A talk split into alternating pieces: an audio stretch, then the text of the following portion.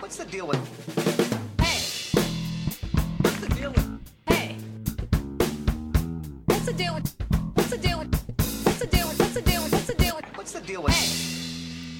A long time ago in a galaxy far, far away. Og denne gangen skal vi faktisk virkelig a long time ago. For denne gangen skal vi hele 4000 år tilbake i tid i Star Wars-universet. I denne episoden av Retrospill-lauget, som da skal handle om Star Wars Nights of the Old Republic fra 2003 som da har vært det siste, eh, eller ikke det siste, vi kommer til å få flere, men det nyeste prosjektet som vi har vært og spilt oss igjennom i Retrospellauget. En spin-off-podkast av Crossover Gaming, og jeg som sitter og prater i vei her nå, det er Ingar Takanobu Hauge, men jeg er ikke alene, for med meg så har jeg de retroguruene Sigrun Eveline Gjerde. Ja, Sigrun, da er jo det første spørsmålet Var det god pizza du spiste i dag? Ja, den var veldig god. Eh, første gang lagde hjemmelagde sjømatpizza. Så det ble veldig godt. Oh, nice. Det hørtes faktisk ikke så verst ut. Eh, jeg skal ikke spørre deg så mye om hvordan sommerferien har vært, for jeg vet at den uh, rant litt ut i uh, sanden, men eh, har, har ting liksom gått sånn bedre etter at du har kommet deg til hektene og litt sånne ting igjen?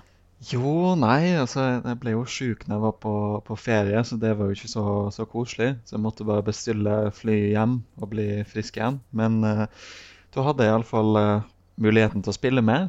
Uh, Mm. Og for så vidt det jeg har brukt mesteparten av tida på, er å modde Skyrim igjen. Så eh, det har ikke blitt så mye spilling, mer modding.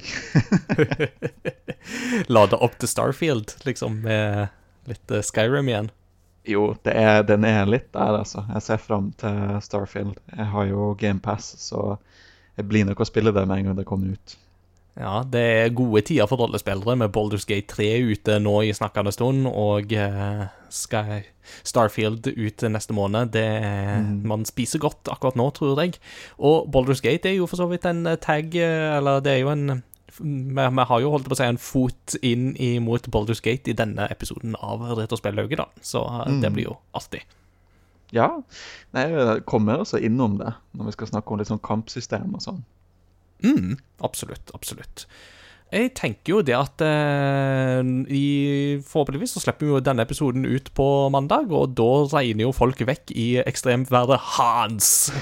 så da er det vel kanskje på tide å glemme alt som har med Gruber, Hans Gruber å gjøre, og håpe at den stormen bare kan dette ned fra Nakatomi Plaza. Men vi skal ta dere trygt igjennom dette uværet med å snakke om Star Wars Nights of the Old Republic fra 2003.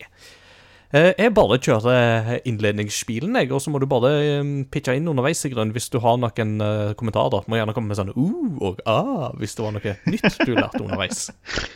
Ja. Nei, jeg skal si fra. Ja, det er bra. Eh, vi begynner da med utvikling og lansering. Eh, Star Wars Night of the Old Republic, eller KOTOR, som det òg gjerne forkortes, ble utvikla av eh, kanadiske BioWare og lansert av LucasArts. Og dette skjedde da på PC og Xbox eh, opprinnelig. Eh, Xbox-versjonen kom ut i Nord-Amerika 16.07.2003 og Europa 12.9. samme år. PC-versjonen kom litt senere, med 19.11. i Nord-Amerika og 5.12. her i Europa. Senere etter det så har spillet også blitt lansert til Mac OS X. Det skjedde 20.9. året etterpå, i 2004. Og så, ti år senere, så fikk det spillet en IOS-versjon til iPad og muligens iPhone. Eh, 30. mai 2013 og Android 23. desember 2014. Det var jo en sånn lille julaftengave der til Android-fansen. Og spillet har òg faktisk blitt tilgjengelig på Switch 11. november 2021. Eh, det har jo òg blitt eh, lansert i et fysisk eh, format av Limited Run Games, for å nevne noe. Og, og så er det jo disse her nøkkelpersonene her, da. Og her er det jo en ganske lang merittliste, som jo sier litt om på en måte hvor eh, store BioWare var på dette tidspunktet her, egentlig, innenfor rollespillsjangeren. Eh, regi og produ produsent, det er Casey Hudson som står bak, og han var jo en av hovedhjernene bak BioWare i sin tid. Han eh, hadde tidligere ledet arbeidet med spill som MDK2.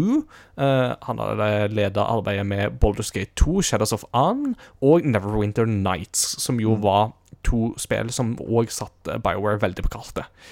Uh, Senere så gikk han òg videre til å lede arbeidet med Mass Effect-trilogien. Så det er jo ikke en dårlig merittliste å ha, for å si det sånn.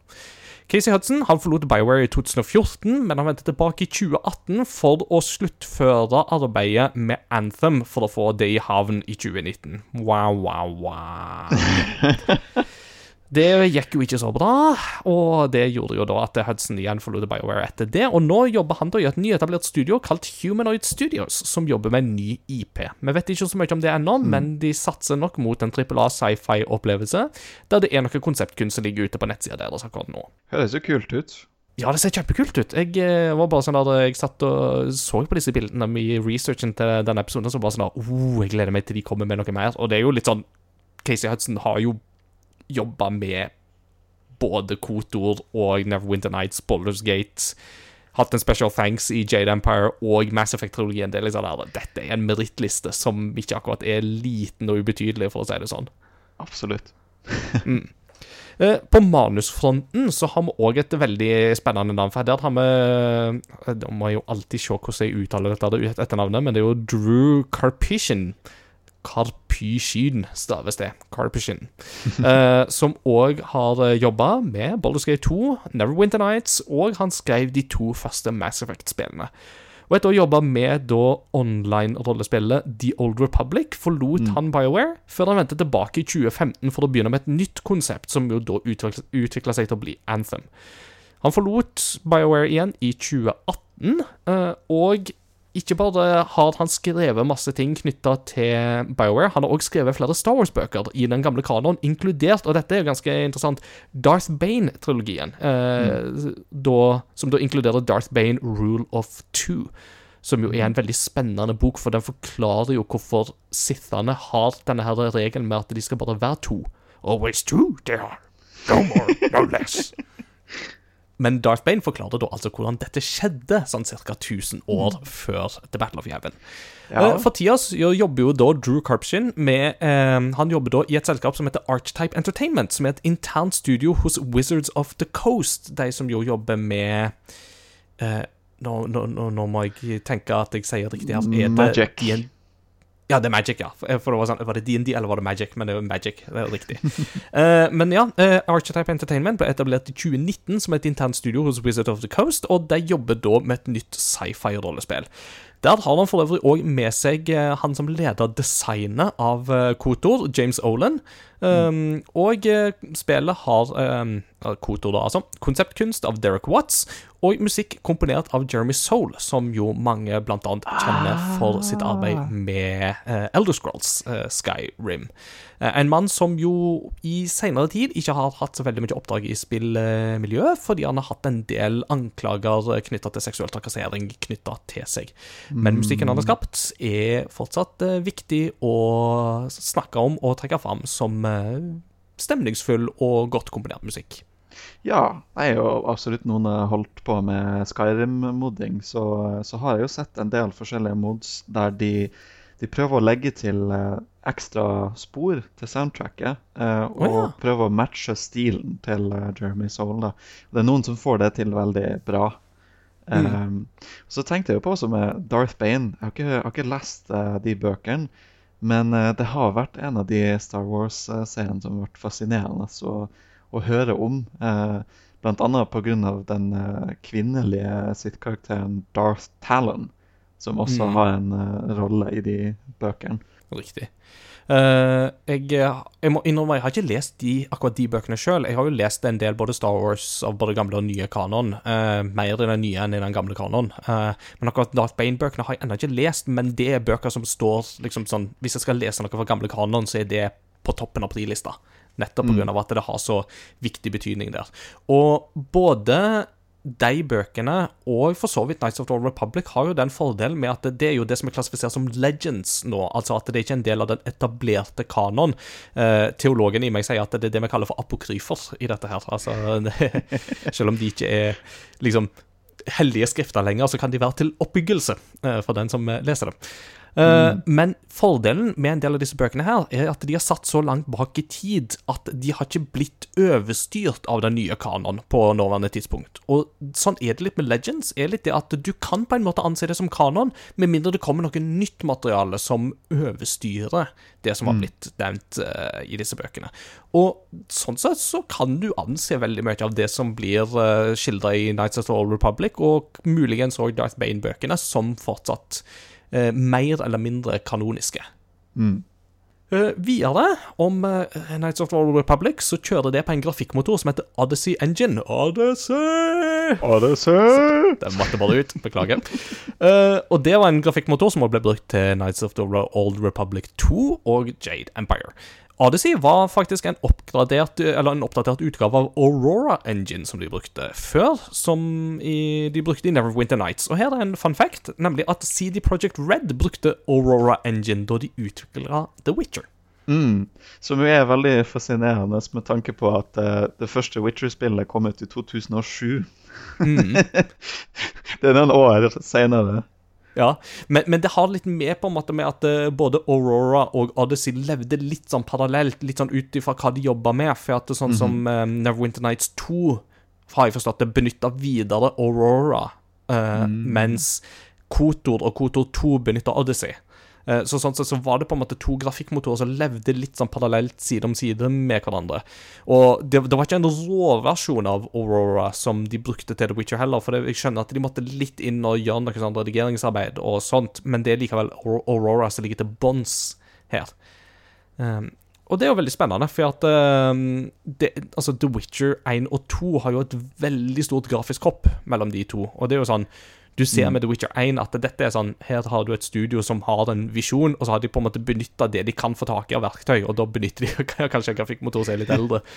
Og så når de da har fått penger og litt mer suksess og litt anerkjennelse, så klinker de til med The Witcher 2, som jo var et enormt grafisk hopp.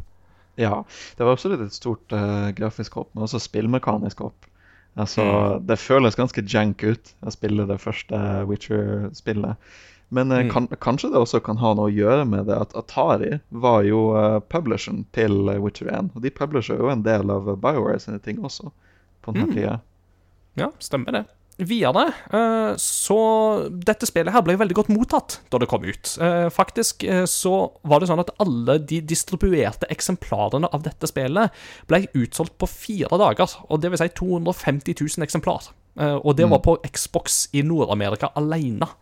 Eh, så Og det var faktisk eh, rekorden, det, for Xbox i sin tid. Altså, ikke, altså Dette var jo før Halo ble Altså Halo 1 var jo stort da det kom, men det var jo fortsatt ikke så mange Xboxer i omløp. Men så da dette her da kom året etterpå, så var det jo bare tok det flatt av.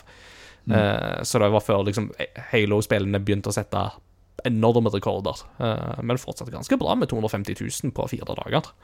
Og Innen 2007 så hadde spillet solgt totalt 3,2 millioner eksemplarer. og Det må nok justeres opp, eh, for spillet har jo da blitt lansert til IOS, Android og Switch i etterkant. Så her eh, er det nok mulig å tenke at dette spillet har solgt mer i, ettertid. ettertid. Og eh, i 2021 så ble det annonsert at Asper, som fram til nå i hovedsak er kjent for å ha porta eh, diverse spill, deriblant eldre Star Wars-spill til nyere plattformer, skal jobbe med en fullskala nyversjon av Kotor til PlayStation 5, før, som da får en tidseksklusiv, før det kommer til PC, og eventuelt andre plattformer. Eh, dette har imidlertid ikke gått så bra, og Aspers har visstnok blitt fratatt det arbeidet, eh, som da er blitt overlatt til Saber Interactive i stedet.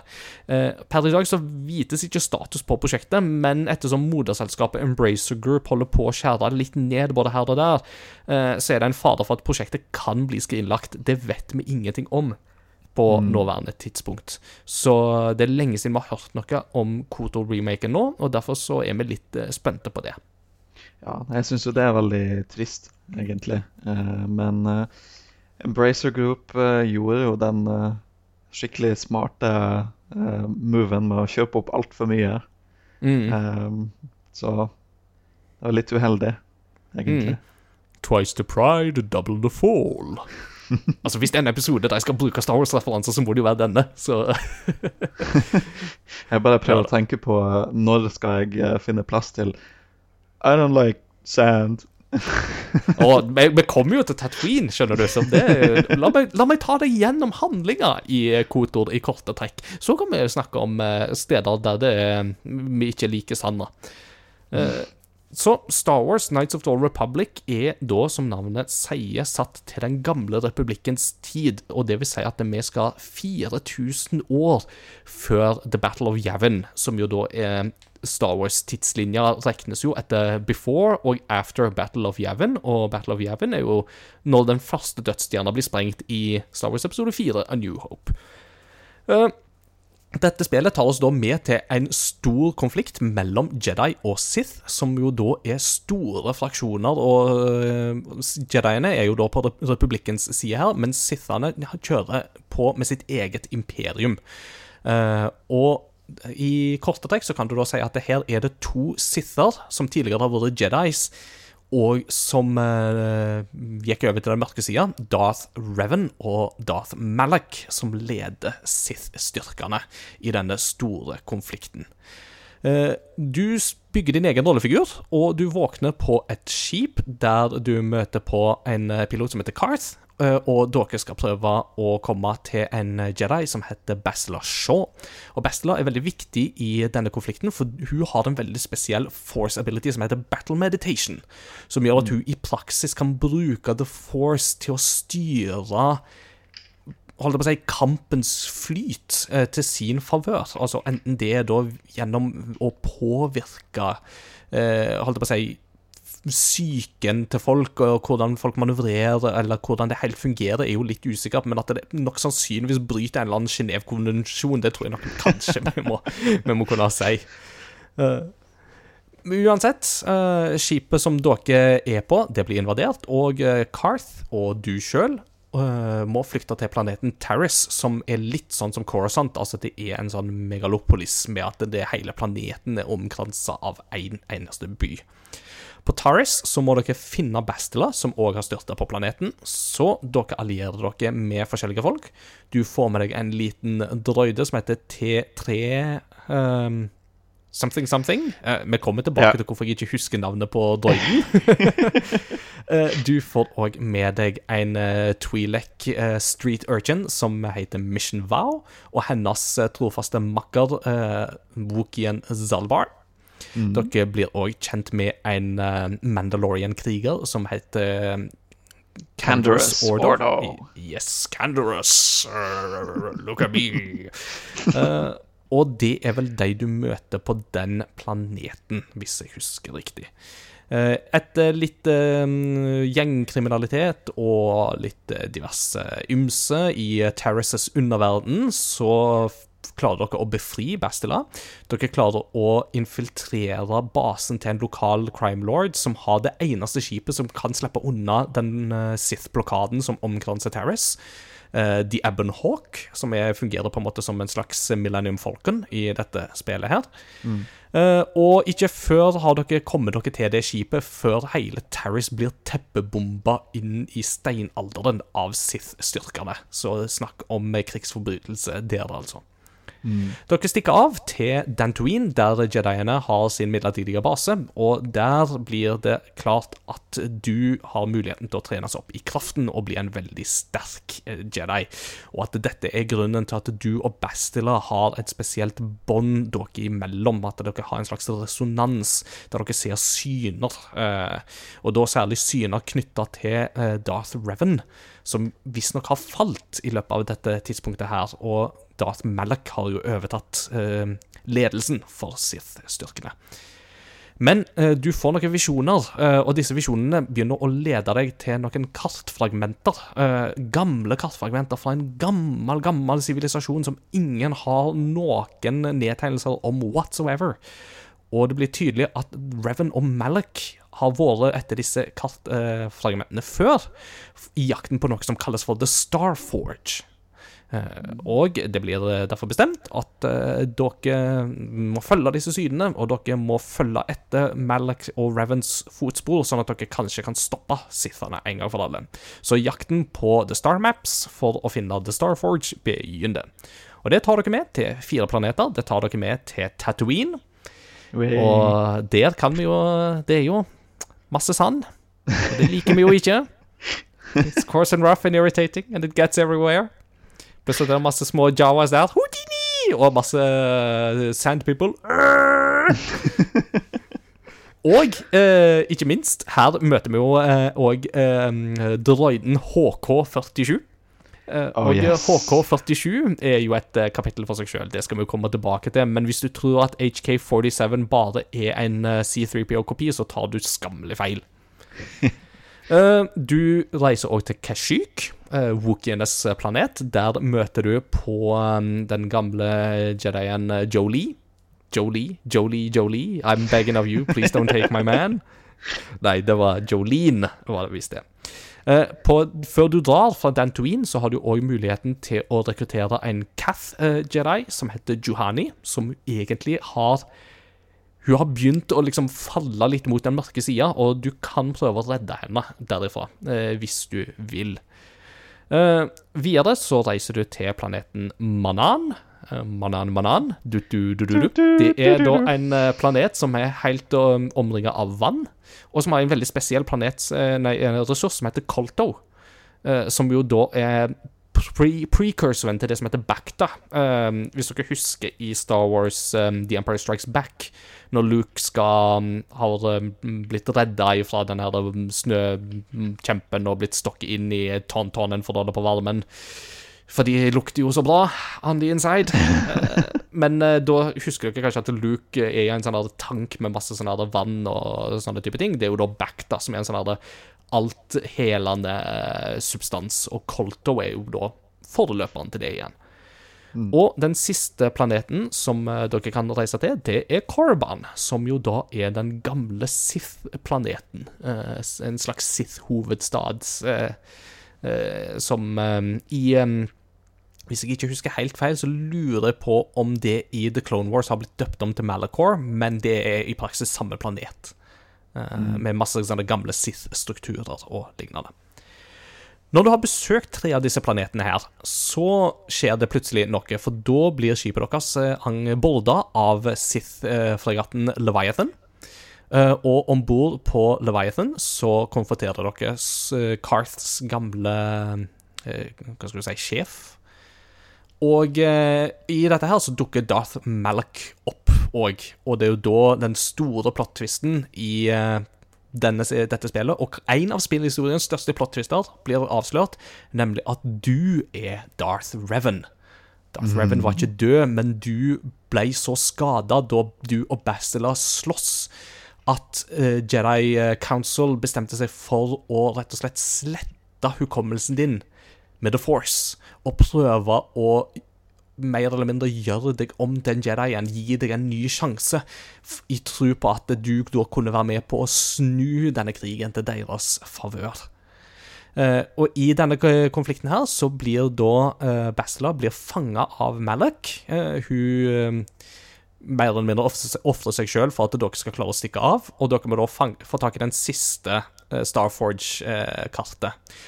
Og dette leder dere da til en planet som heter Lehon, og kjent som Rakata Prime, der dere da konfronterer en urgammel rase, Rakatans, som jo da er de som har laga disse her star-mapsene rundt omkring, og da står for The Starforge, en stor, et stort anlegg som i praksis kan benytte kraften til å mer eller mindre som en slags fabrikk. Eh, som kan lage alt ifra si, fighters til krigsskip, og det er ikke måte på hva The Starforge kan lage ved hjelp av The Force og eh, kraften fra den lokale sola.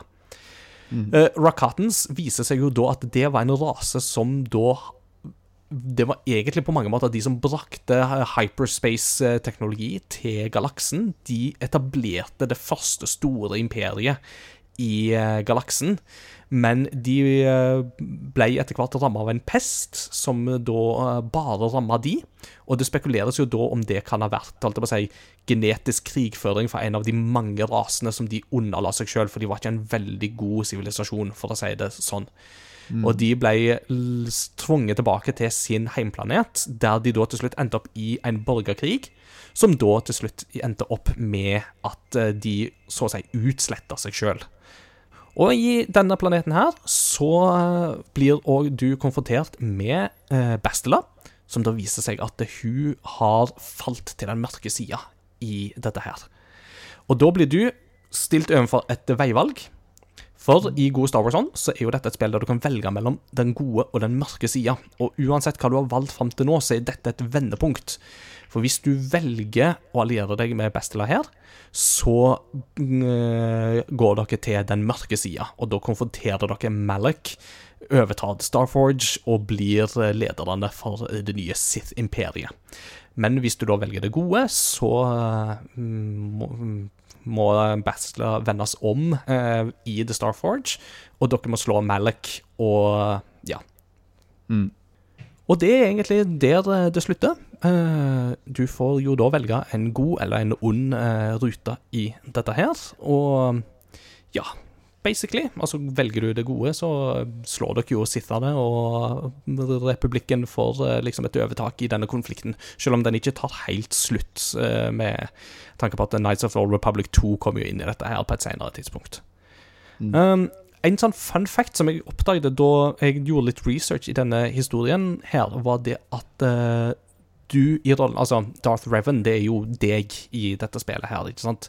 Eh, og det var faktisk egentlig planlagt at Darth Revan skulle dukke opp i tredje sesong av The Clone Wars. Eh, nå vet jeg ikke hvor godt du husker The Clone Wars, men det er jo noen episoder der Obi-Wan, Asoka og Anakin de møter på en trio som på mange måter utgjør på en måte personifiseringer av The Force. Eh, Med at du har The Father, The Son and The Daughter. Eh, og her var det faktisk tenkt i utgangspunktet at The Sun skulle bli påvirka av Darth Revan til å omfavne den mørke sida av kraften. Mm. Så det var litt kult, syns jeg. Men det ble uh, skrota, da. Eh, men det kan dere tenke på neste gang dere ser tredje sesong av The Clone Wars. Ja, det Eh. var fascinerende. Jeg, eh, jeg har ikke sett så langt i The Clone Wars. Jeg tror jeg bare har sett i første sesongen Mm. uh, enn så lenge. Men Ja. eh, nei, det har jo vært, eh, det har vært en litt sånn Darth Revan-feber, egentlig. Han ble jo en veldig populær eh, karakter. Ikke minst pga. her spillet, men også fordi karakteren dukker jo også opp i The Old Republic, eh, Ja. MMO-en. Mm. Og eh, han Drew Karpush, Carpushin han skrev jo ei bok om, om Revan også. Mm. Ja, han gjorde så. Eh, og Revan hadde nok absolutt vært en sånn populær figur som hadde vært veldig interessant og brakt tilbake på et senere tidspunkt. Eh, og jeg tenker jo det er ikke sant altså at eh, Som sagt, dette er materiale som man bare kan videreføre som kanon, egentlig. Det er ikke noe vits i å på en måte reskrive om uh, så veldig mye av det som er skildra i uh, Old Republic-perioden. Og ved å bare rekanonisere dette og skrive mer om Revan eh, Jeg tror man kunne gjort veldig mye kult med det, for å si det sånn. Mm. Så, eh, etter å ha da gått gjennom eh, historien i korte trekk, så skal vi snakke om vår historie med spillet. Og, og da lurer jeg på, Sigrun, eh, har du spilt dette spillet før? Ja, det, det har jeg. Eh, jeg tror jeg har spilt det to-tre ganger før, faktisk. Um, Jeg så det første gang på eh, en gamingkanal som var italiensk. Eh, vi hadde satellitt, satellitt da jeg var barn, så da brukte jeg å våkne opp om morgenen før jeg gikk på skolen, og så så jeg litt sånn spilling av eh, nye spill som kom ut, og et av dem var Kotor. Jeg tror det var Xbox-versjonen som de eh, viste. Mm. Jeg har også spilt oppfølgeren til Kotor, men eh, den har jeg bare spilt én gang. Men Mm. Tross alt, jeg spilte veldig mye av MMO-en også, The Old Republic. Uh, der klokka er vel inn sånn 1600 timer, eller noe sånt. Det er respektabelt, for å si det sånn. Jeg tror du er den i vår, vårt community som har klart mest tid i The Old Republic. det er godt mulig.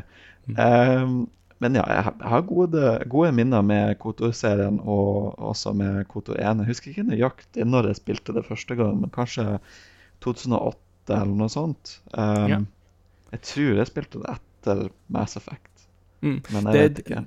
Det, det er veldig gøy at det er 2008 for deg, for det var faktisk 2008 for meg òg, fant jeg ut i dag. For jeg skulle gå litt tilbake i liksom gamle notater eh, og se om jeg hadde noe notert noe med når jeg spilte Koto første gang.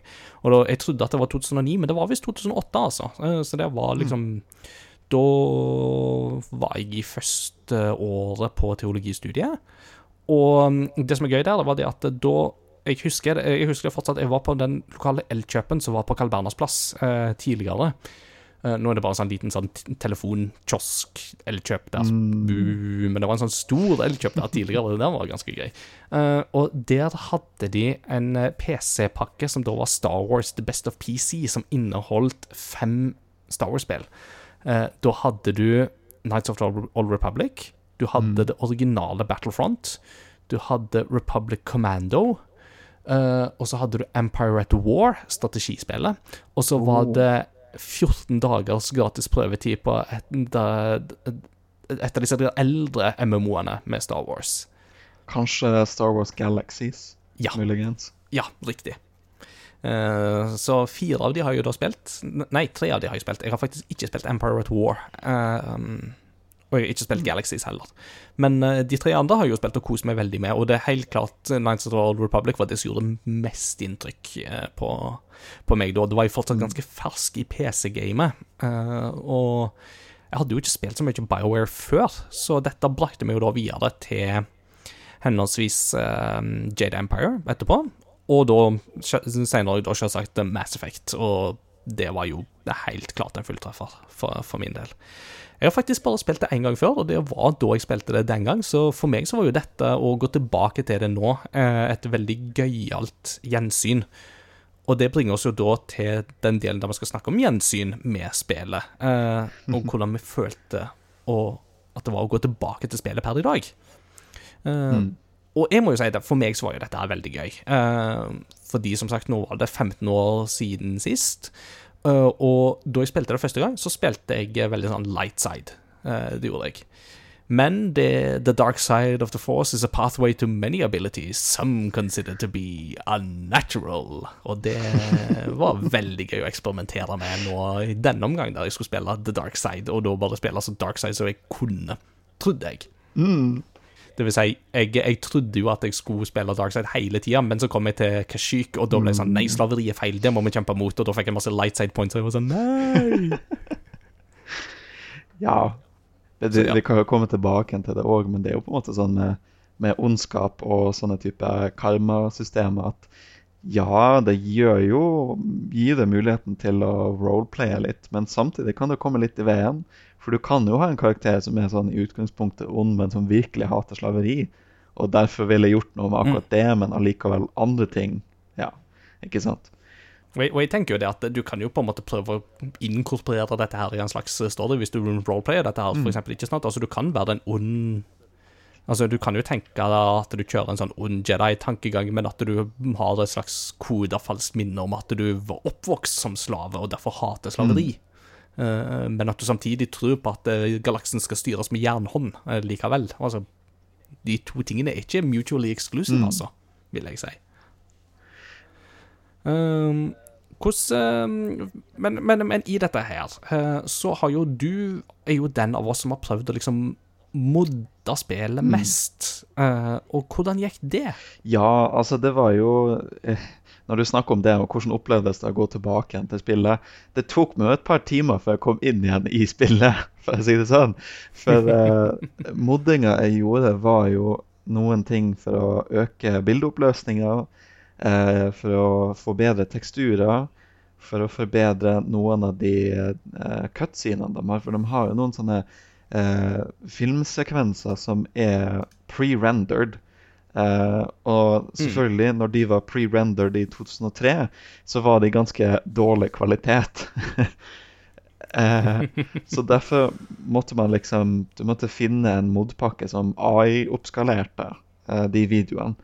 Og eh, det blir jo ikke perfekt, fordi de videoene er jo potetkvalitet i originalen.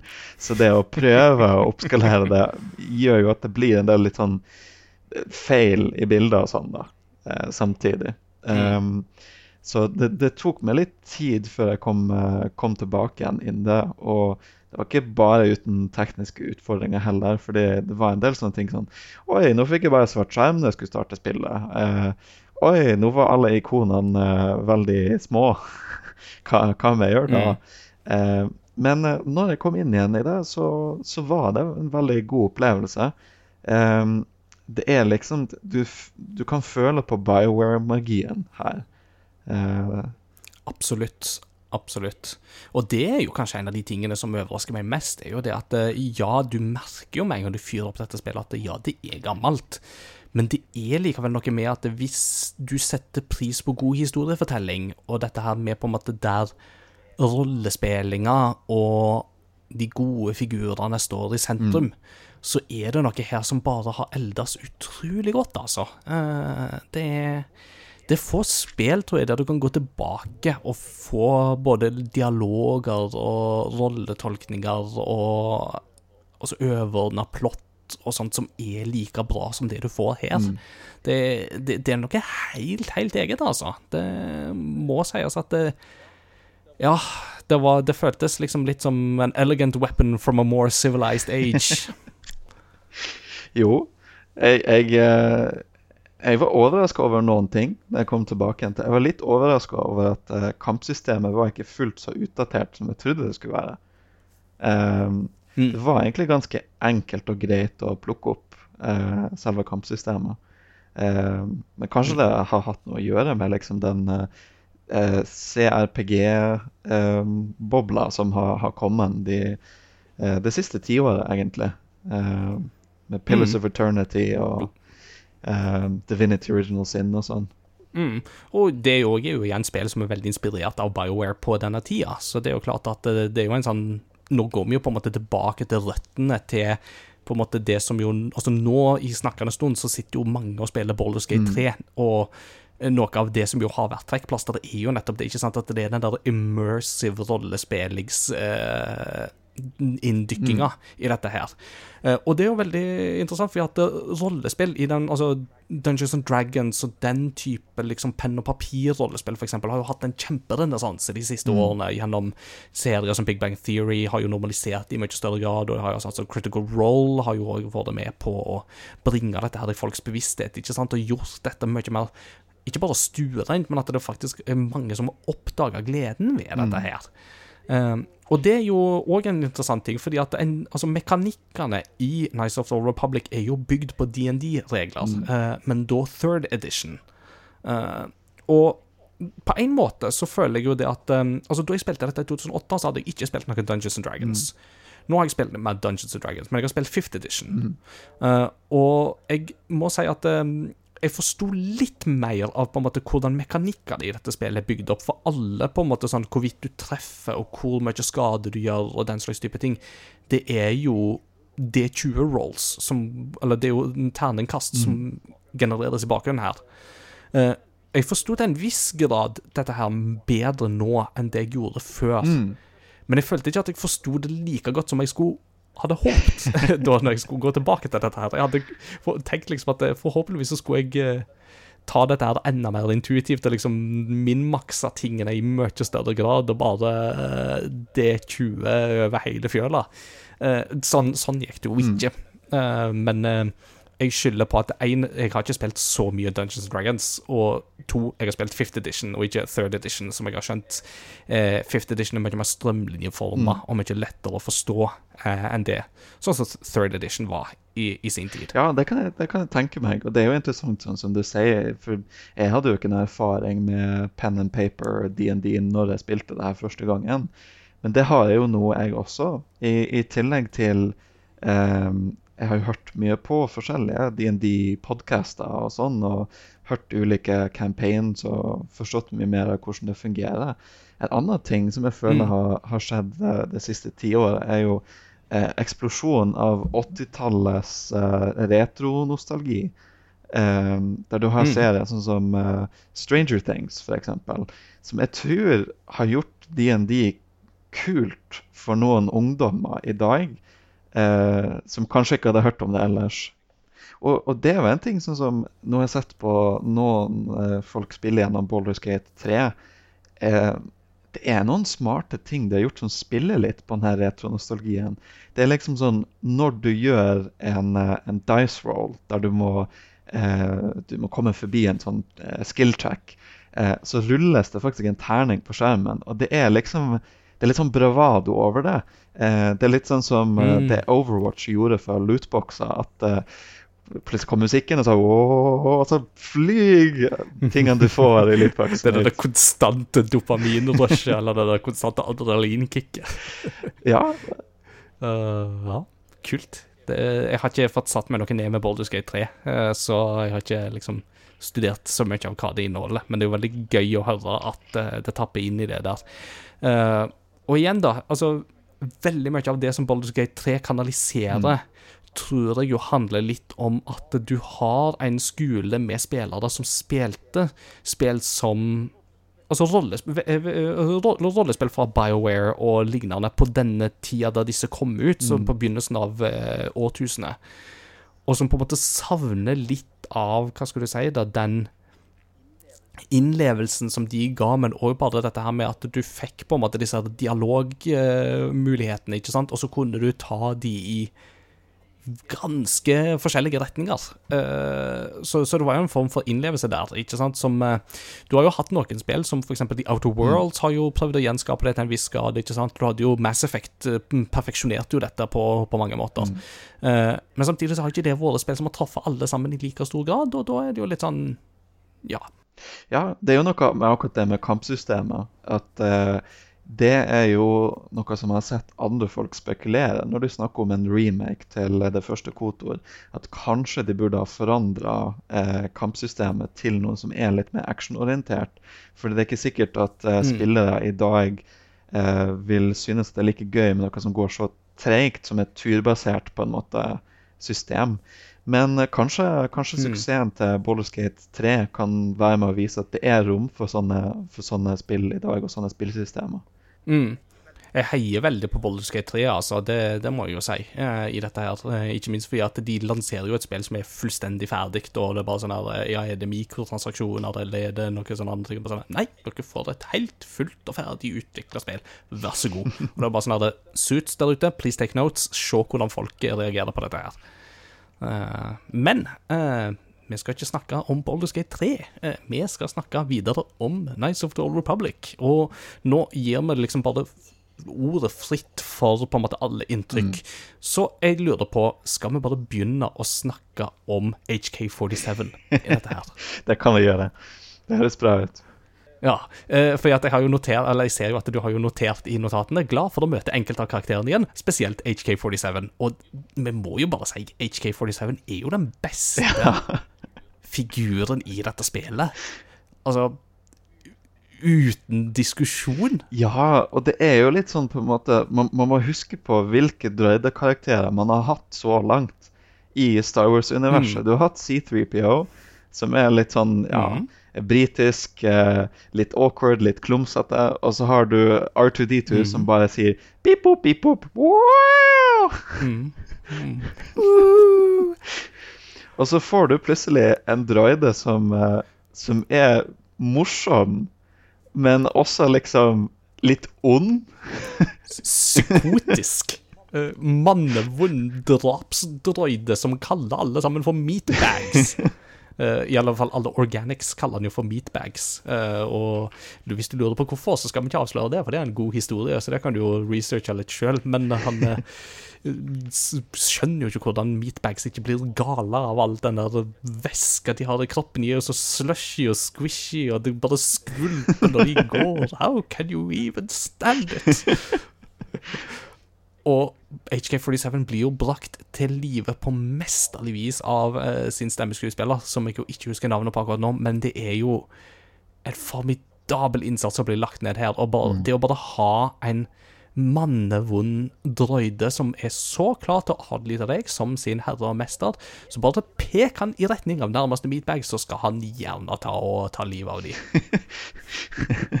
Det Ehm, og hvis du tror liksom at HK47 er liksom bare en dårlig kopi av disse her B1 Battle Droids som du møter i prequel-trilogien, de som sier Roger, Roger, så tar du skammelig feil. Altså, de er jo i nyere Star Wars-bøker så er jo de omtalt som de verste eh, militærdroidene i galaksens historie. Eh, HK47 er slettes ikke der, for å si det sånn. Han er meget kapabel. kapabel. Nei, det er det. Kapabel, smart ehm, og definitivt morsom. Altså det, det er flere øyeblikk, sånn som når du er på Tatooine og du skal infiltrere eh, basen til eh, Sand People, så, så er han veldig nyttig å ha med seg for å få til det. Eh, Mm. For, for han snakker jo deres språk. Mm. Eh, og så når du går inn der, så sier han vel noe sånt som eh, Should I begin blasting now, master? He wishes to perform a, uh, a ritual of peaceful transitioning and uh, mutually uh, respectful dialogue. Shall I blast him now, master?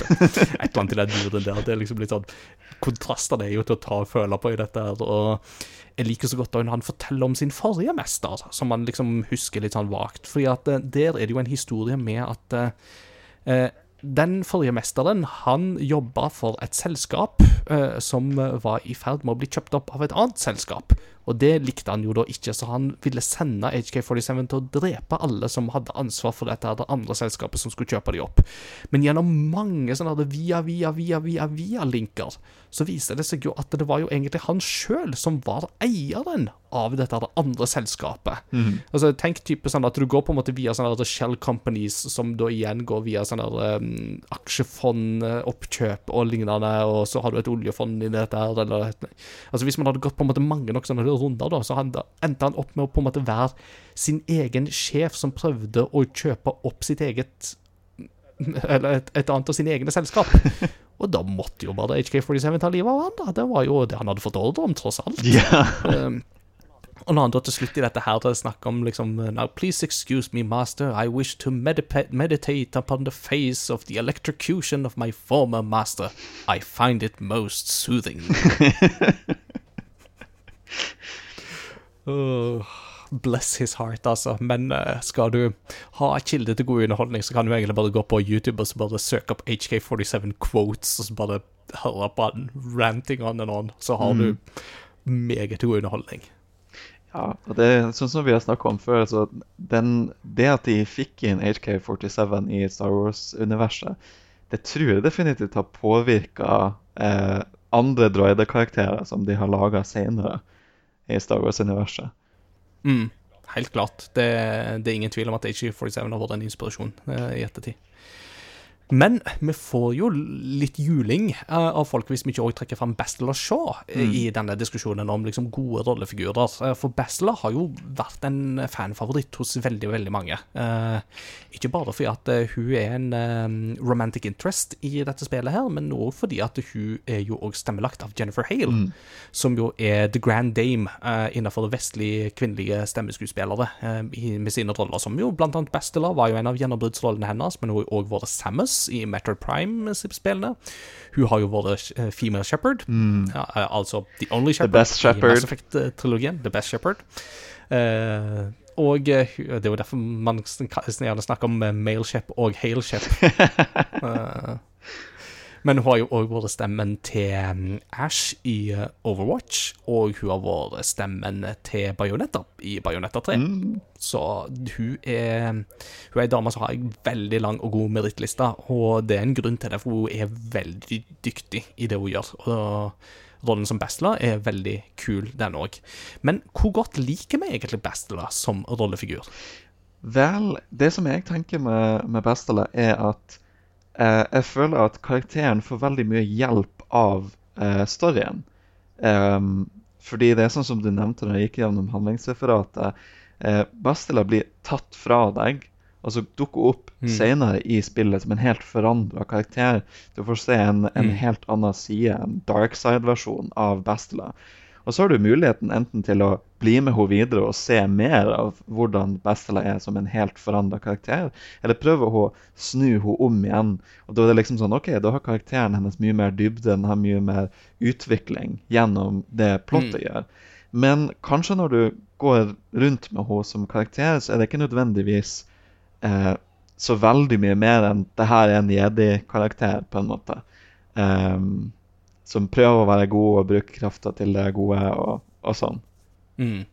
Og det er jo klart at det, er jo litt sånn gøy, for at eh, er jo veldig opptatt av at du må følge the Jedi way, og du må være veldig light side, og du må passe deg for the dark side, ikke sant? Og hver gang du da gjør noe som er liksom knytta til the dark side, så kommer med en reaksjon, men, men det får jo aldri noen sånn direkte konsekvenser i dette her. Mm. Eh, Altså, hun har noen sånn alvorsprater med deg på skipet, og så er det jo litt sånn Og allikevel så er det litt sånn at hun blir litt sånn betatt av deg, uansett, altså. Selv om du er litt sånn the dark side. Så det er liksom Enten så blir hun betatt av deg fordi at du er så sterk i kraft, og da blir hun sånn Ah, senpai, teach me everything.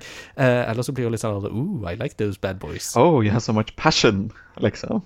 Yes. Uh, ja Nei, det, det Peace is a lie, there is only passion. Through passion I gain strength. og så videre og så videre. Det er, jo, det er jo veldig gøy, da. I dette spillet så må du jo både resitere The Jedi Code og uh, The Sith eh, Code. Jeg skulle ut og si det. det er liksom sånn, Hvordan spiller du kan, du kan du huske på som Nei, nei, du, du, skal ikke slåss. Du må bare huske den her, det her paradigmet. Det settet med ti regler, liksom. Mm. Så det, det er jo gøy. Eh, vi- har jo, vi har jo hatt eh, noen eh, andre av våre lyttere har jo vært med i dette prosjektet. Noen datt jo dessverre litt av underveis. Shouta til Nikolai, som opplevde så mye tekniske problemer at eh, han dessverre måtte gi opp, selv om han hadde veldig lyst til å fortsette. Men du hadde jo òg Benjo, som eh, var med oss helt til veis ende. Han kunne dessverre ikke være med nå i dette opptaket, her, men han skrev til meg at han ville gjerne ha med seg et par sånne her inntrykk som han hadde delt underveis. Eksempel da om at han gikk ifra Bastila for ei arrogant drittkjerring til liksom å gå Bastila, show me the ways of the dark side, please. Så eh, det er liksom Hvordan man føler om Bastila, er nok veldig avhengig av hvordan du spiller. Og det har jo vært litt sånn artig i denne gjennomgangen her, det er jo at alle vi tre som jo ble med til veis ende, gikk jo for den dark side-variant her. Så vi fikk jo ikke den spredningen som vi kanskje skulle ha hatt i denne episoden. Ja, nei, altså absolutt. Eh, det som han Benjo nevner, er jo, det er jo veldig interessant. Fordi jeg føler vel på, på sett og vis at eh, det at hvis du er hetero-mann da, og spiller gjennom spillet, så er på en måte Bastila kanon-romansen, da. Eh, det er Mm. kanon-romansen til en mannlig Revan. Eh, og selvfølgelig, hun blir jo uansett dark side. Det kan du ikke gjøre noe med. Eh, så hvis du da har valgt å romance henne, så må jo det være liksom en sånn Ikke bare ekstra hjerteskjærende, men også litt sånn forlokkende. Ikke sant? At uh, Mm. den som, uh, som du forelsker deg i, er plutselig ond nå. Å nei, skal jeg kjempe mot henne, eller skal jeg bli med henne? Mm. Ja, det husker jeg var et reelt valg i 2008, da jeg spilte det første gang. Det var bare sånn Nei, Basle er ond. Men skal jeg bli ond? Mm.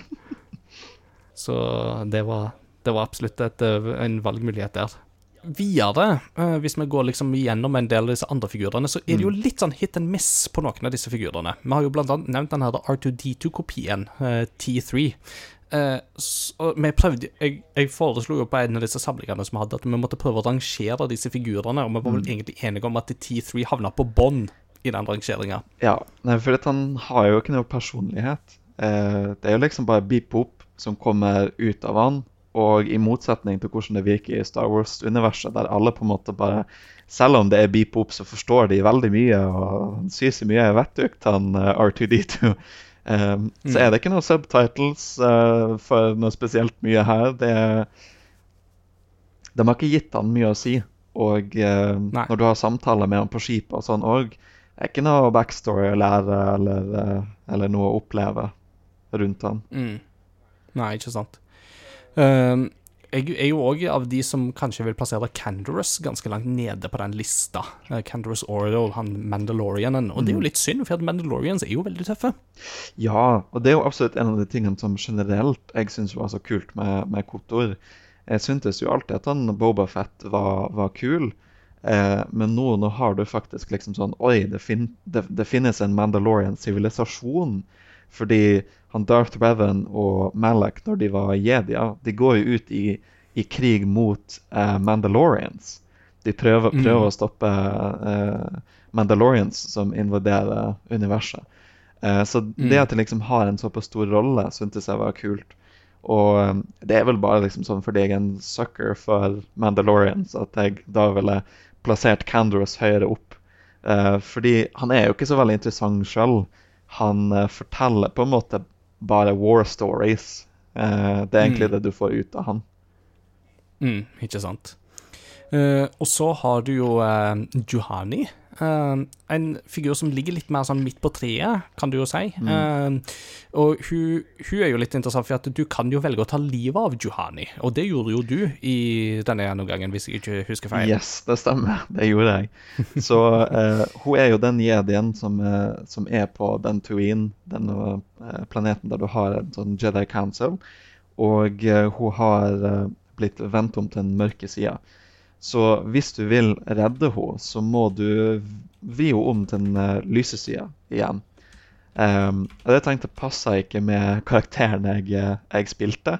Uh, det var liksom litt sånn Det er jo også sånn for hvordan det går med Johanni i resten av spillet, men uh, du kan ikke ha henne som en følger der hun er dark side.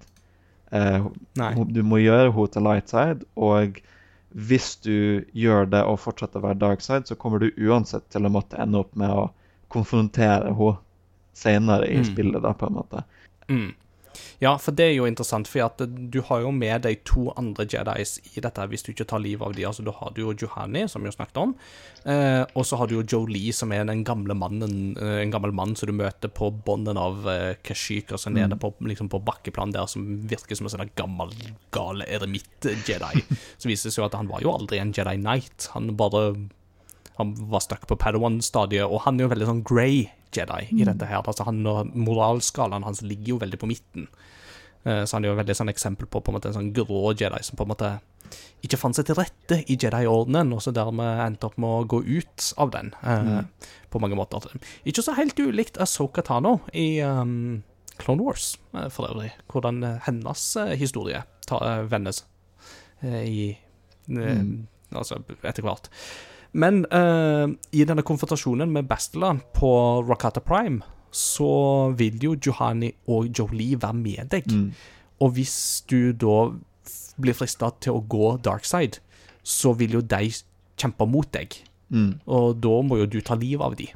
Eh, Det er jo ikke noen mulighet for å få dem med seg videre. Eh, For selv om Johanni har hatt en sånn forlokkelse mot the dark side, så er hun veldig på at nei, hun skal ikke tilbake dit. Mm. Og Jolie han er veldig på den der med liksom sånn I've seen uh, the powers of the dark side, what it can do to people. Turn away from this path. Eh, Mhm. Og da må du rett og slett ta livet av de begge hvis du skal gå the dark side.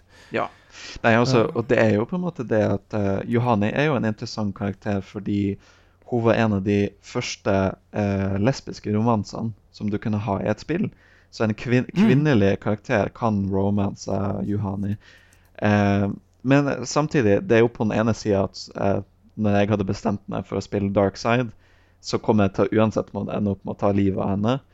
Um, og i tillegg um, så var de litt forsiktige på denne tida. De var litt forsiktige med uh, den, den lesbiske romansen med Johani. Så det er for eksempel, Uh, så vidt jeg husker, så sier hun kun at hun eh, er glad i deg, eh, eller elsker deg, akkurat der før du møter Bastila.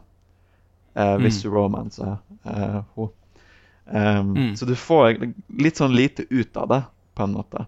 Ja, men altså, det kan jo skje ting etterpå. Yeah. Altså, det Pad Padmay gikk ikke hen og sa at du var glad i Anakin rett før de skulle dø, ikke sant? Så det er god Star Wars-tradisjon, dette her, vet du, å fortelle din kjærlighet til den andre rett før du skal dø. Det er liksom seems like the perfect opportunity to do this. Ak akkurat da må det være. Nei, men, eh, Ja men det som jeg endte opp med å gjøre, da, var jo at jeg uh, lasta deg en mod som gjorde at du kunne romance Bastila som kvinnelig Mm. uh, Revan.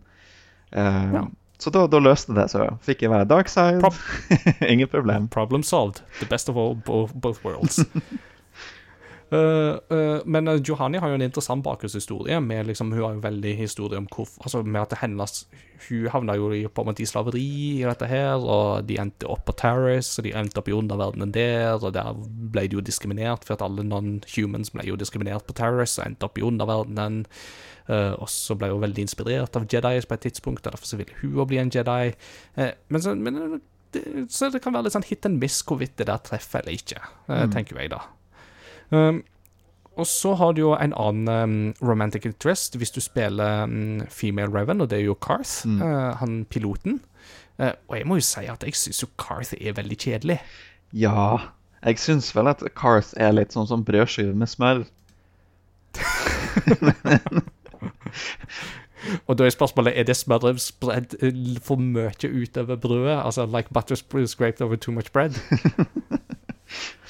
Nei, men det han blir kjedelig, sånn som du sier. Uh, Ja. det er liksom nesten litt klisjé. Mm.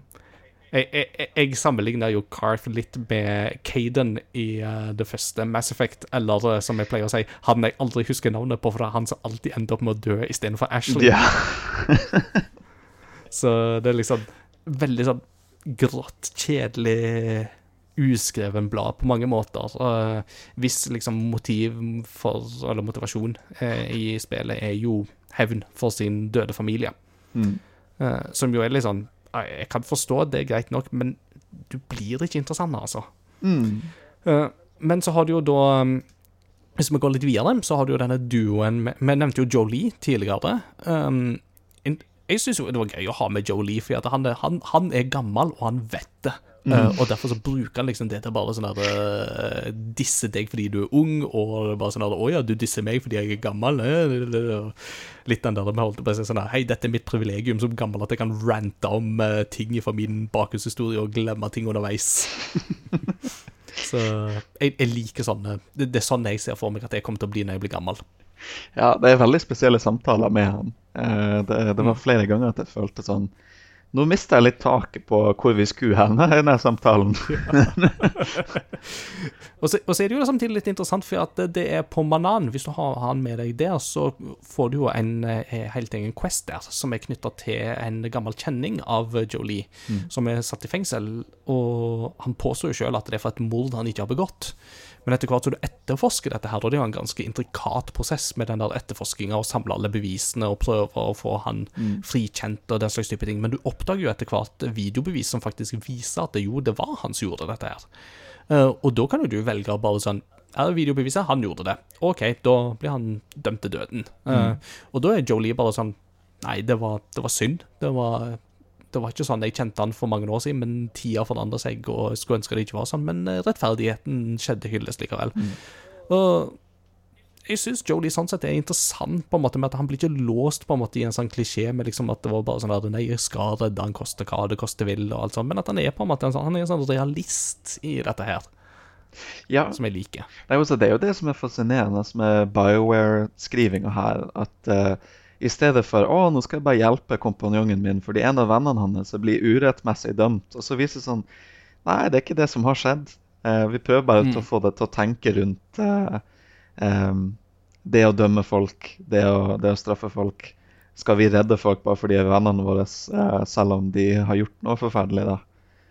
Mm, ikke sant. Og så har du jo denne duoen med Mission og eh, Zalbar, eh, som jo òg er en eh, spennende duo, og som jo får en ganske et veldig brutalt utfall hvis du spiller Darkside. Og det er jo en av de Yes. tingene jeg husker best fra første gjennomgang av dette spillet. Uh, med at selv om jeg spilte Lightside, så så jeg jo videoer på hva som kunne skje hvis du spilte Darkside, og det var jo ganske mørkt eh, i dette her.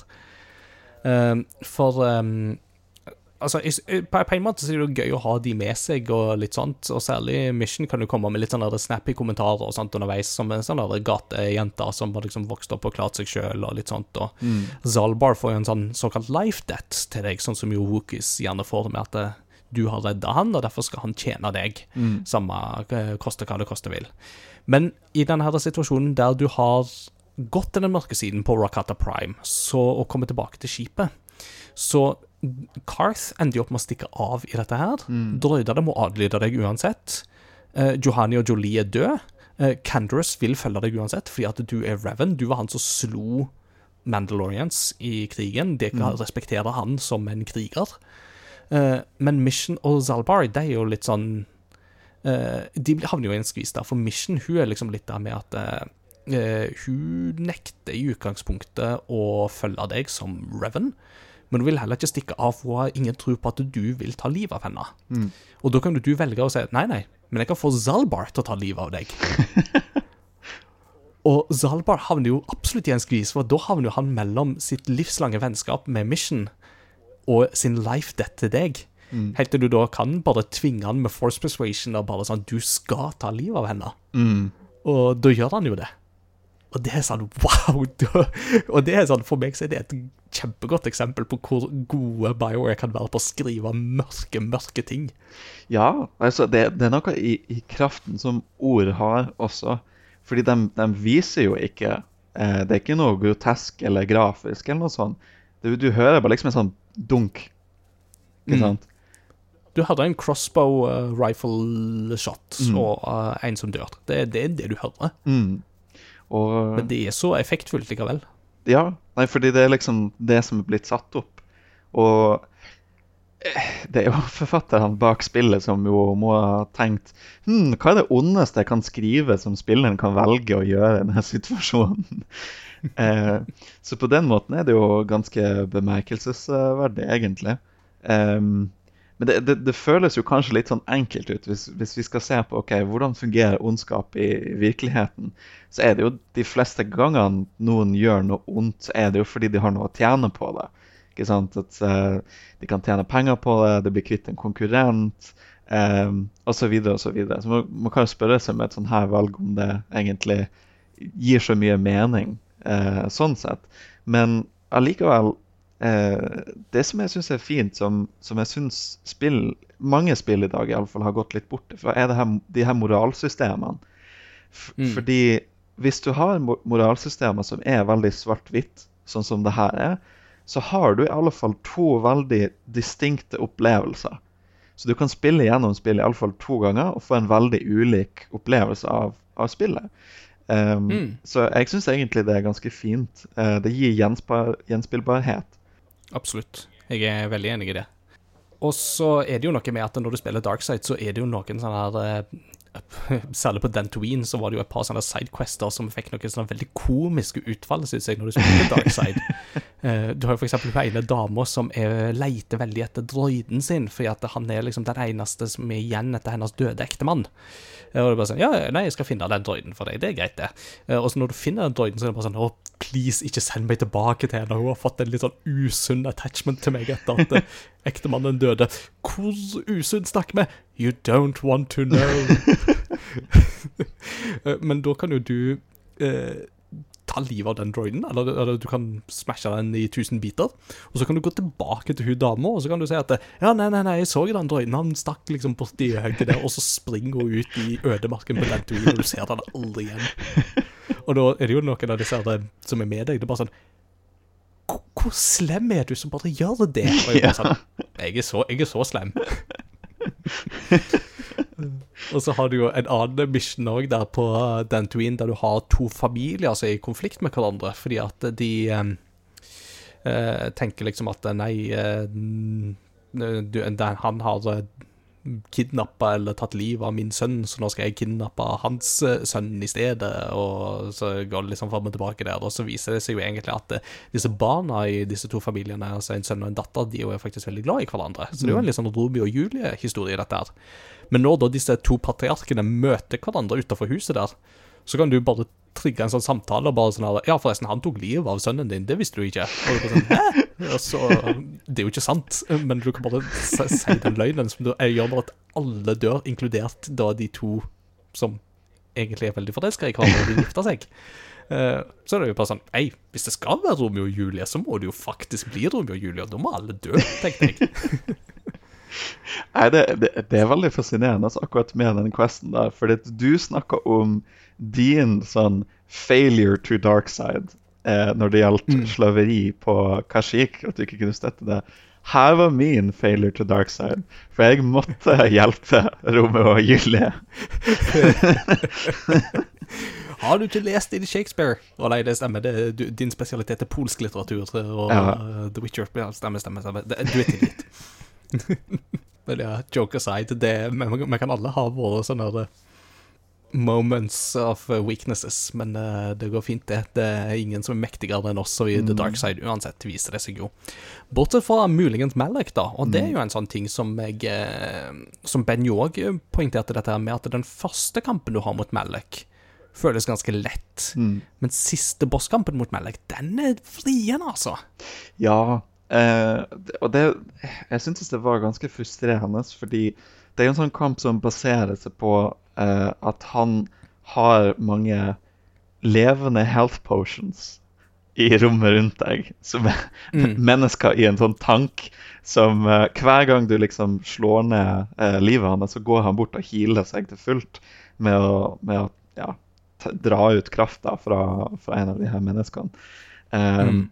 Og det er vel for så vidt litt sånn frustrerende fordi um, Ja, litt sånn som du nevnte det med eh, third um, Third edition. Um, det, det er liksom sånn Å vite hvordan alle systemene fungerer, er ganske vanskelig. Og det er kanskje en utfordring i akkurat dette spillet. Fordi eh, du kan gå rundt og Du kan også dra ut kraft fra de her menneskene i de tankene. Hvis du har drain life, eller noe sånt, så kan du bruke det på dem. Men det er ikke noe i spillet som forteller deg at du kan gjøre det. Um, Nei, nei, nei. I, I tillegg så er det jo sånn at eh, han Malak buffer seg sjøl. og hvis du da har bygd karakteren din til å ha eh, abilityen force breach, så kan du ta og fjerne de buffene som han har. Som gjør han mye lettere å, å kjempe mot. Men det er jo sånn, du kan, ikke, du kan ikke finne på det når du er der i den kampen. Da har du brukt Nei. alle poengene dine og sånn. Mm. Og, og, det, og det er litt sånn vanskelig òg, for det hvis du har spekka figuren din til å være veldig sånn force ability user, sånn som min eksempel var jo veldig avhengig av liksom force lightning. Eh, det var jo, jeg spamma jo det for harde livet, for det var kjempegøy. Eh, veldig sånn unlimited power-følelse. Eh, men, men når du da kommer til Malik, så får du jo et problem, for han har jo så høy immunitet mot force abilities at eh, hvis du har spekka figuren din til å være veldig avhengig av force abilities, da sliter du veldig kraftig, altså. Så jeg må helt ærlig innrømme at jeg klarte ikke den siste kampen mot Malik i denne gjennomgangen. Det, mm, det ble for tøft for meg. Mm. Da jeg tenker at Det er noen sånne typer ting i, i spillet som kan gjøre det vanskelig for, for eh, nye eller yngre spillere å, å komme inn i det. Um, for jeg tenker jo kampsystemet uh, er ganske gammeldags. Og hvis man ikke kjenner på en måte de, de ins and outs av akkurat hvordan er det kotor er, hva er lurt, Mm. lurt å gjøre, så er det litt tøft. Em, I tillegg til at du har alle de her attributes og feats og powers og eh, Du har veldig mye å velge mellom når du skal levele opp karakterene dine. Um, en ting som dette spillet har som, som for så vidt gjør det litt lettere, at du kanskje ikke trenger å bry deg så mye om det, er at du har auto-level up. Uh, Mm. Du får med trykket, og så leveler karakterene dine opp, og så velges alt automatisk. Men det kan jo hende at det ikke velges helt ideelt, da. Uh, og at karakterene du har med, ikke nødvendigvis passer det du trenger i et party. sånn. Mm. um, så det er definitivt noe som uh, kunne forbedres hvis de skulle lage en remake av spillet. Mm. Uh, Ja. I alle fall at noen av de her tingene ble litt tydeligere for deg, hva du ville trenge i en sånn type Mm. situasjon. Ja. Apropos ting som en remake kan trenge, så kan jeg jo nevne en annen av de tingene som Benjo poengterte at han ville få fram, og det var jo det at dette spillet har veldig mye backtracking til tider. Eh, Og særlig på Manan så er det veldig mye gåing fram og tilbake. Mm. Og det kan bli veldig frustrerende, ikke minst ved at det føles veldig tomt noen ganger når du går rundt på disse plassene. Så i en remake så håper jeg jo for det første på en fast travel-mulighet på planetene, i en mye større grad enn det som faktisk fins. Men jeg håper jo òg på at det ikke blir like mye backtracking. Eh, og i tillegg kanskje litt flere holdt jeg på å si, sånne interaksjonsmuligheter underveis på planeten. Altså Det gjør ikke noe at en plass som Terrace eller Manan er veldig stor, og at du må gå mye fram og tilbake. Så lenge du har litt ting som skjer. Mm. Nei, for det er jo akkurat det at du, du føler jo at når du har gått gjennom de områdene du har på Manan, så dukker det jo ikke opp nye ting senere. Det er liksom den ene gangen du går gjennom det, og så skjer det ikke noe nytt på en måte. Um, Og Manan har jo også de utrolig treige eh, seksjonene der du er i noen sånn dykkerdrakt eh, under vann. Mm. Og der, der følte jeg ok, det må være den treigeste sånn uh, spacewalk-følelsen jeg har hatt i et spill.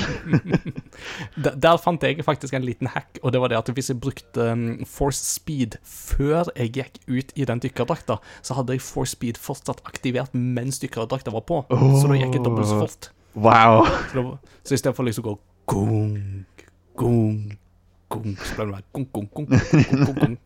Done. Ja, det høres veldig praktisk ut. Eh, fordi undervannsseksjonene er jo heller ikke så veldig spesielt eh, dype, ironisk nok. Eh, for du går liksom rundt i den drakta, og eneste fienden du har, er noen slags sånne haier som kommer etter deg. Og de tar du enkelt og greit livet av med bare å trykke på en knapp når de kommer nært. En slags sånn Mm. sonisk lydvåpen eller noe sånt. Ehm, og ellers så er det, det er liksom noen kister med ja, noen medpacks, noen health potions og sånn type ting.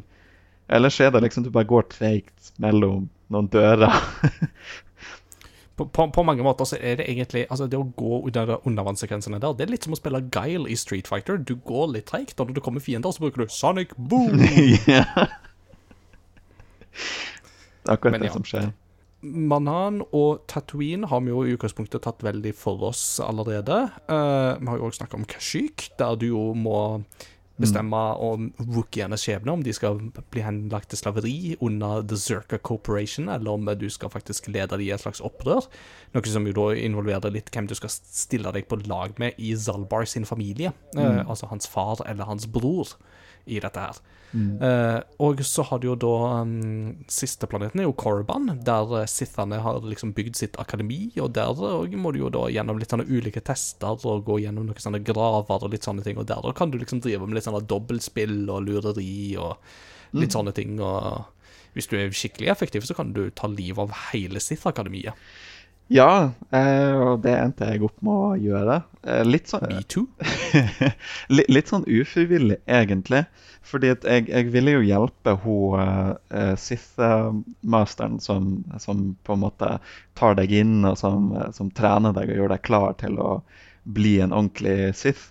Um, Mm. Men så er det Du, du kan uh, gjøre sånn at du hjelper henne med å ta hennes master, sånn at hun skal bli den nye sjefen.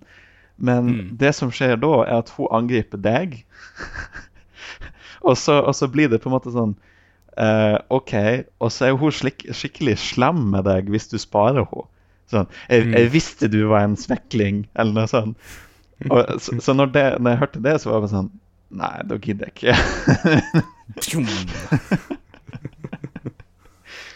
Sånn, eh, sånn kan det gå.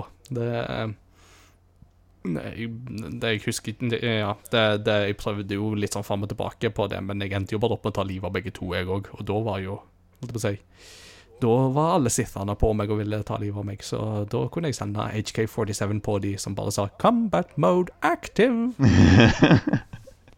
Ja, nei. Acknowledgement. Han ble, jo, han ble jo en av de som jeg hadde med meg hele tida. HK47 mm. fast inventar. Um, Og um, for så vidt med, med bilden som jeg tok Du tok uh, mer fokusert på, på force powers.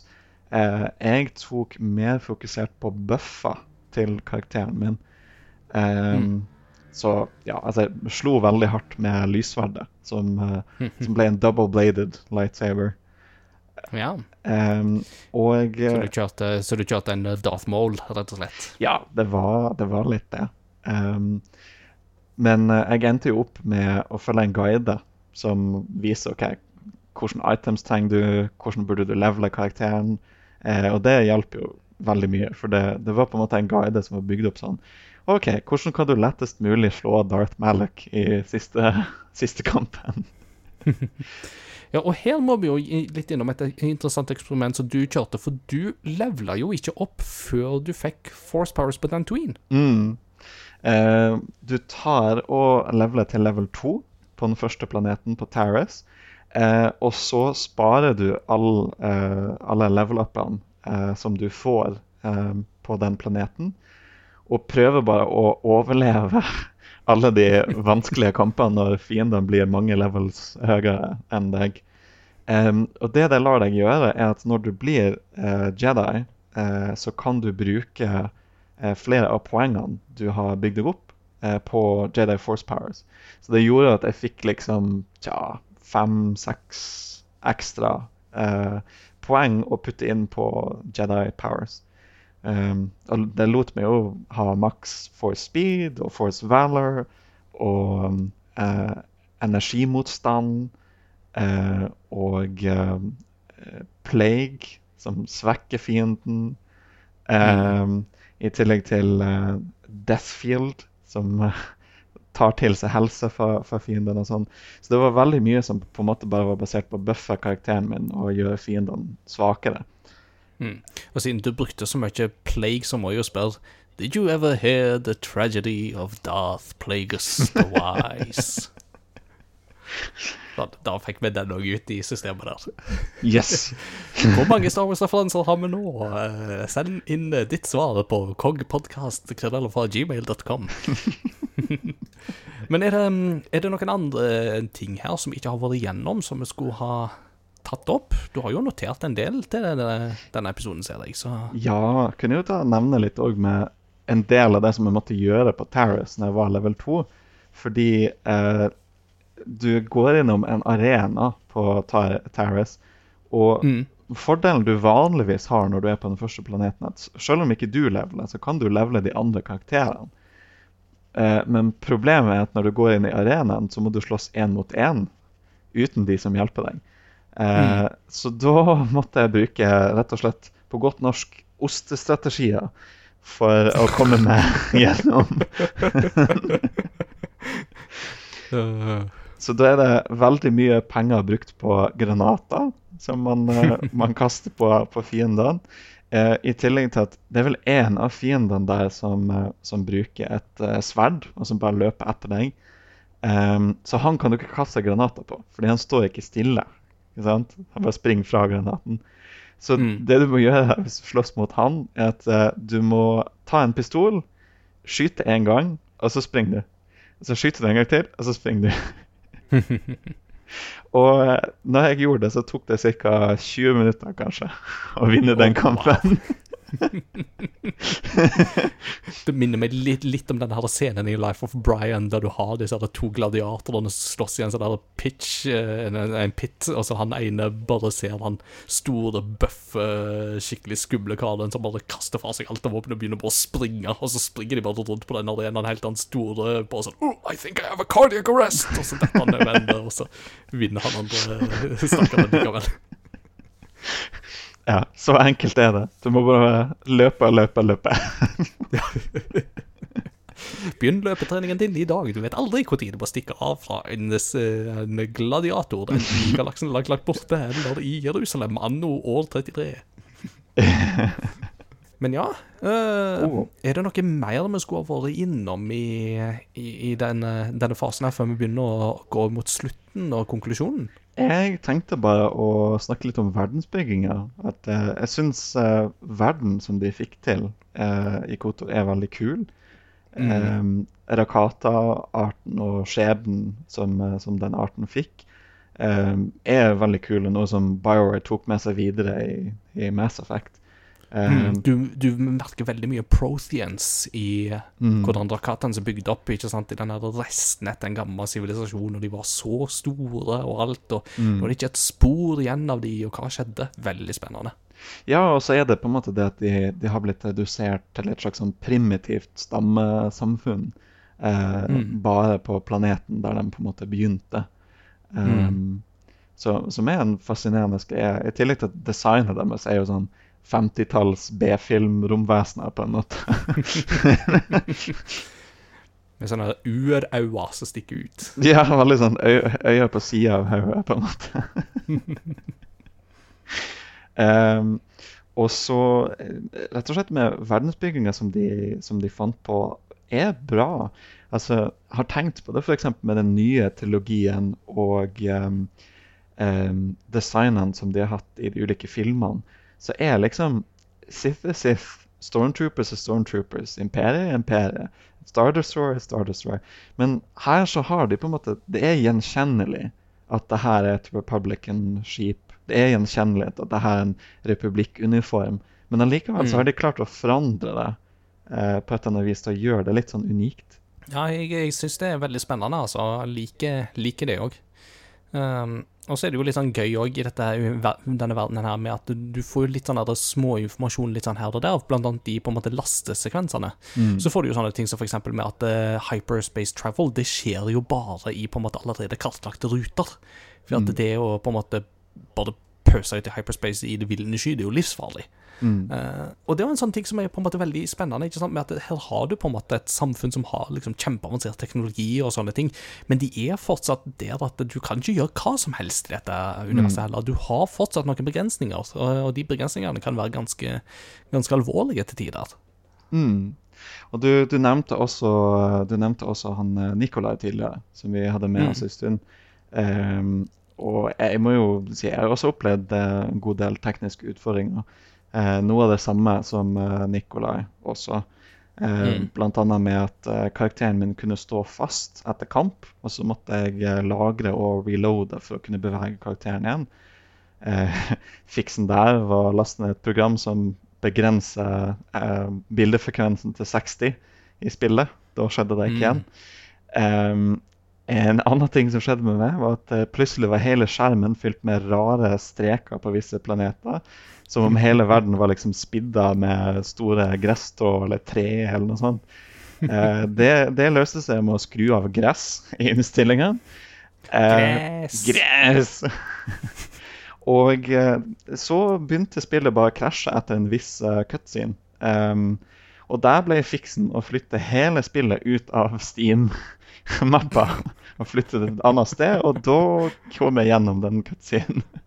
Det, altså, det er jo en ting som både Kotor 1 og Kotor 2 har et problem med, og det er jo at det er jo spill som er vanskelig å få til å kjøre. Og det var det jo i sin tid òg, men altså, det er masse sånne bugs og crashes og sånne ting. Og en ting er at Kotor 2 ble jo rusha, men altså Kotor 1 har en del av de der problemene, så det, du kan fort kjenne en uro i kraft av dette her, altså. altså. As if a million designers had to work crunch and were suddenly silenced. Eller noe i den dur. Jeg tenker jo det at eh, vi har jo fått delt en god del inntrykk her nå. Eh, men i retrospillauget så spill, vil vi jo alltid stille spørsmålet om spillet er verdt å gå tilbake til. Eh, hva tenker du her, Sigrun? Ja, jeg syns jo absolutt det, men igjen med noen forbehold. Sånn som eh, det vi var inne på nå med bugs og sånn. Eh, det tenker jeg Det er en veldig god grunn til at spillet kunne trengt en remaster eller remake. Sånn at det ble litt mer tilgjengelig i 2023. Ehm, fordi um, det er det er liksom, og det er jo ikke bare de tekniske utfordringene. Det er òg liksom noe av det grafiske. Bildeoppløsninga går ikke egentlig opp til vanlige oppløsninger vi har i dag, med mindre du bruker mods. Um, Mm. Så det er en del sånne type ting som jeg tenker kunne gjort. Man burde nok hatt en ny versjon. Um, og jeg vil jo også si at ikke spill det på den måten som jeg gjorde eh, med å prøve å holde det på level 2 og Litt sånn gjøre det unødvendig vanskelig for deg sjøl. Um, Det som jeg tror er mest gøy med Kotor, er eh, ta velg de tingene som du syns ser gøy ut eh, av Force Powers. Velg det som du syns kunne være artig å prøve, sånn som eh, eh, Force Lightning, f.eks., som du hadde. Og så kan man jo rett og slett bare skru ned vanskelighetsgraden, så, så kommer du gjennom det, i alle fall det meste av spillet og får opplevd det meste av storyen og karakterene. Um, Så ja. Absolutt. Jeg er veldig enig i, i alt dette her, og jeg tenker jo det at um, dette er et spill som jeg håper veldig at den remaken kommer. Uh, for dette, altså grunnlaget her er så fantastisk, og samtidig så er det noen sånne quality of life improvements som dette spillet skriker etter å få. Eh, og som ikke mods kan gjøre bare sånn helt uten videre heller. Så jeg håper jo, men jeg håper jo virkelig at de kan få til noe her. Uh, så jeg håper at uh, Embracer ser hva potensialet som ligger til grunn her, og jeg tror det er veldig mange fans der ute som higer etter en sånn opplevelse som dette spillet her kan gi, altså. I en mm. remake-format. Men for all del, altså, jeg hadde det kjempegøy med å gå tilbake nå. Um, nå skal det jo sies, altså, Star Wars er jo et univers som for meg står veldig, veldig sterkt. Uh, og Nights of the Old Republic er noe av det i Star Wars som står sterkest. Så jeg, jeg har jo litt sånne biases i dette her, men jeg koste meg overraskende mye med å gå tilbake til det her, selv om du hadde en del av disse her eh, stive mekanikkene og sånne ting, så var det liksom med at den, da jeg kom til det at jeg satte meg ned med spillet igjen og skulle spille liksom det vi hadde i lekser til neste ukes samling, altså det, det var kjempegøy. Tida føyk, altså. Mm. Uh, og det var for så vidt en ting som jeg husker at Benjo poengterte, var det at uh, han, han, da han begynte å spille dette spillet her, så havna han jo så i det at han spilte jo langt forbi eh, hva han egentlig skulle spille liksom, til neste samling. Eh, og da måtte han ta en litt pause, Mm. men da ble det veldig vanskelig å plukke det opp igjen.